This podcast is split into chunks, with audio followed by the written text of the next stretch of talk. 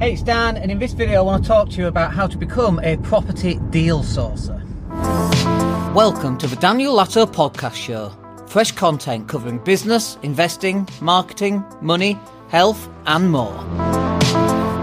Hey, it's Dan. Hope you're well today. So let's talk about being a property deal sourcer. Uh, we get quite a lot of emails about it, actually, and obviously we have our property sourcing training course at 27 quid, and we make a sale a day off that.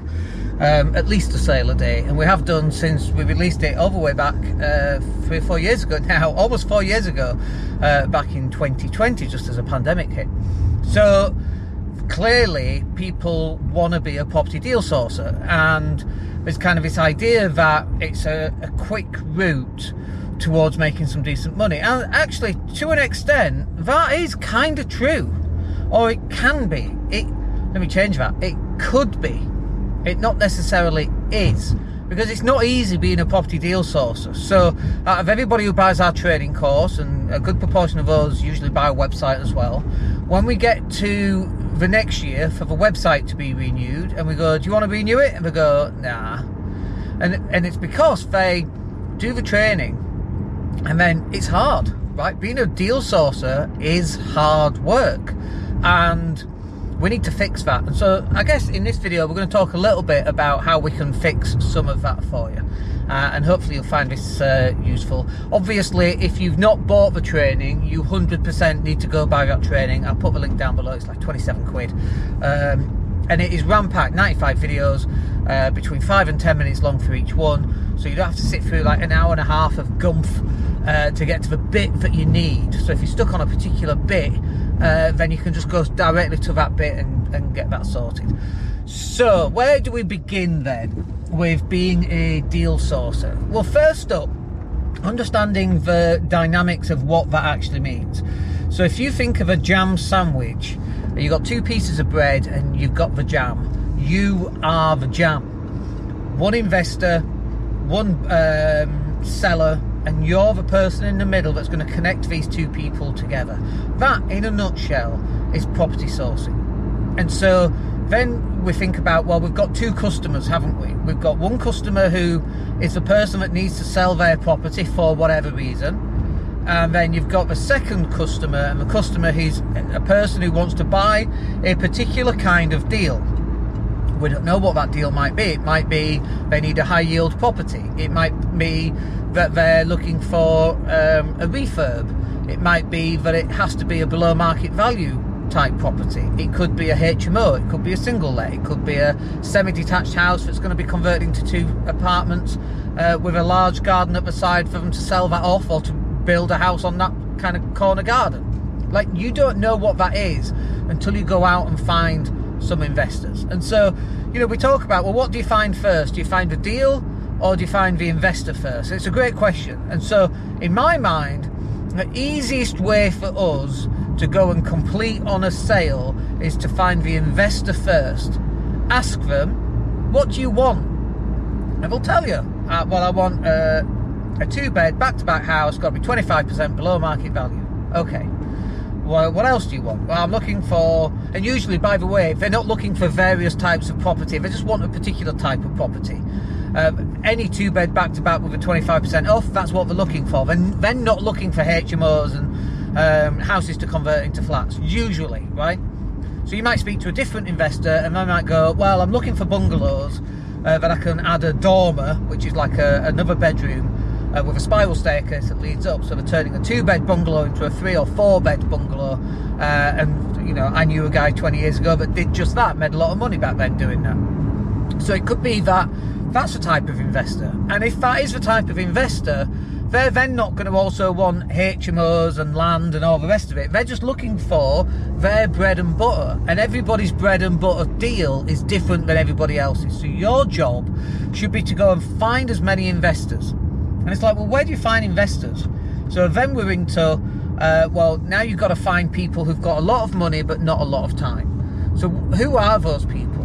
Business owners, doctors, possibly, um, people who are, uh, you know, stressed, haven't got a lot of time, hate the rat race, earn a decent amount, drive a nice car, but want something else to generate cash so that they don't have to keep doing the things that they do and never seeing the kids and family. So those sort of people are absolutely ripe. Now, when you go to a networking event, one of the things you'll soon notice about networking events, property networking events, is, is that unless you're the guy on stage, everybody else has got no money.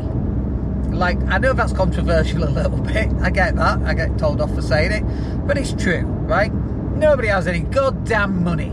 So you're not going to go and find investors normally at a property networking event. You might get lucky. But generally, that's not where you're going to find them. That's not where they hang out. If that's where they are hanging out, then they're probably already doing deals and they've already probably got those connections already. Okay. So you need to go and find these investors in places where they are you're not expecting them to be. So property networking events is probably not where you're going to find those. The golf course, the horse races, charity events, all of that kind of thing. Uh, so then, um, now we're finding investors and we're getting into conversations about what they need. And if you want more examples of that, then go buy the bloody trading course, right? It's 27 quid. Uh, what are you going to lose? If it's bad, it's 27 quid, but it's not bad, it's bloody brilliant. Uh, we know that because we keep getting told by our uh, reviews and testimonials. So, now you've got an investor, what about finding deals? Where the heck are you going to find deals? And again, let's just cover some controversial points, shall we? Um, Rightmove. Oh, you can't buy a good deal on Rightmove. Of course you bloody can. Of course you can. If I've got an investor who's looking for a six bed HMO, right, uh, with a license, do those sort of properties go on Rightmove? Might not have a license, but then you just calculate, you know, there's a six bed house, it's 200 grand, uh, it's 600 pound a room. I can't, I'm not doing the maths right now, I don't know if that'll work, but I'm sure it will. 600 quid a room, and it's not got a license, it's not in an Article 4 area Article 4 means that you're not allowed to um, uh, HMO them. Um, but the license is going to cost, you know, three grand for a fire alarm and a, fire door system and two grand to bring it back up to spec and I don't know, four grand on furniture. Let's just say it's going to cost you an extra 10 grand uh, to bring it up into spec ready for HMO. So, like, you could go find a deal like that on Rightmove. You could go do that now. Go to Rightmove, go to your gold mine area. What's your gold mine area?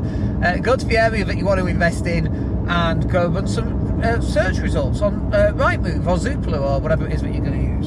Go find some, uh, is it 4 plus or 5 plus on, on Rightmove? Uh, go find some of those houses and go and have a look. Run the numbers. And then go check the numbers. Go to Easy Roommate or whatever it's called. Um, whatever the latest version is. Um, to go see how much a room's going for in that particular area. So you can do all that. You can do a huge amount of research just sat on a computer. It's kind of one of the things that really confuses me actually. Is it's like, how do people know um, not to do research? Like, you know, we've got this thing called Google, I'm sure you heard of it, and then we've got this other thing called YouTube, I'm sure you heard of that. It's actually the same thing. Um, oh, Dan, how do you do research? Google it for God's sake. Like, well, how do I know if there's any four bed houses in my area? Right, move it. What's up with you? Go, that's what the internet's for. So, this stuff is right there. You can sit on your butt and make a lot of money by just sitting on your butt, right? And going doing all this research. Now, it is going to take research, and it's going to take a lot of research. And people don't want to do this work.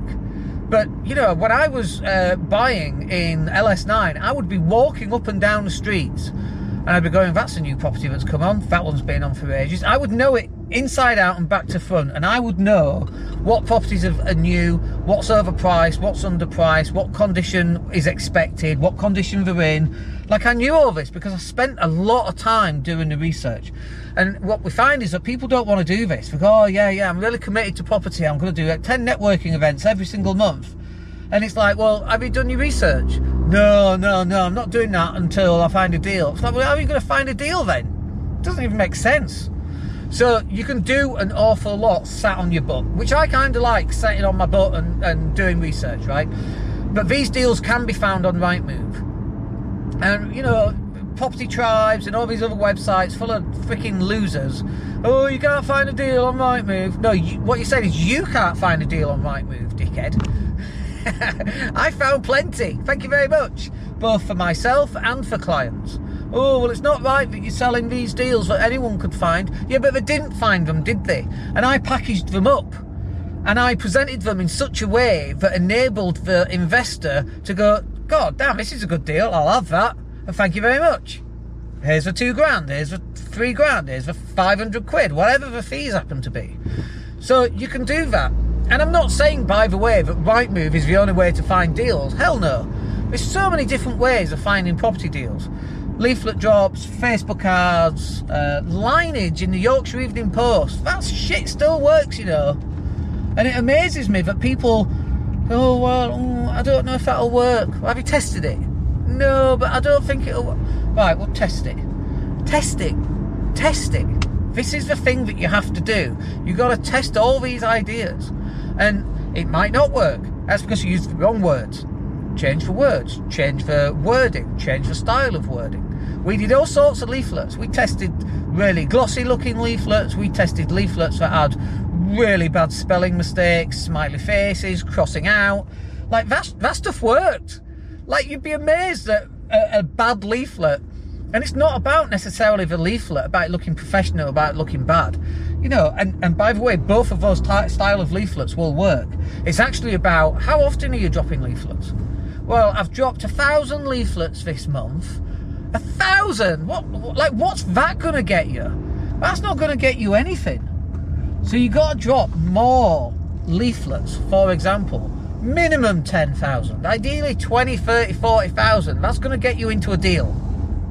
you got to be doing it. These are the, you know, when all these people start doing deal sourcing and then they quit, it's because they're doing a half-assed attempt and I'm not surprised they quit because they're really not that committed because they've not made money in month one or month two or month three. It can take six months, it can take a year to get your first deal. But once you crack open the lid, the flow of deals will come through.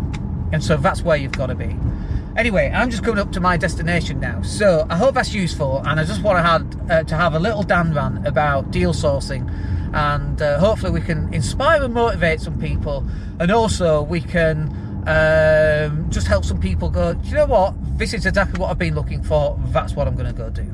Anyway, let me know how it goes and we'll speak to you on the next video. My name's Dan Latto. Have a good day. Take care.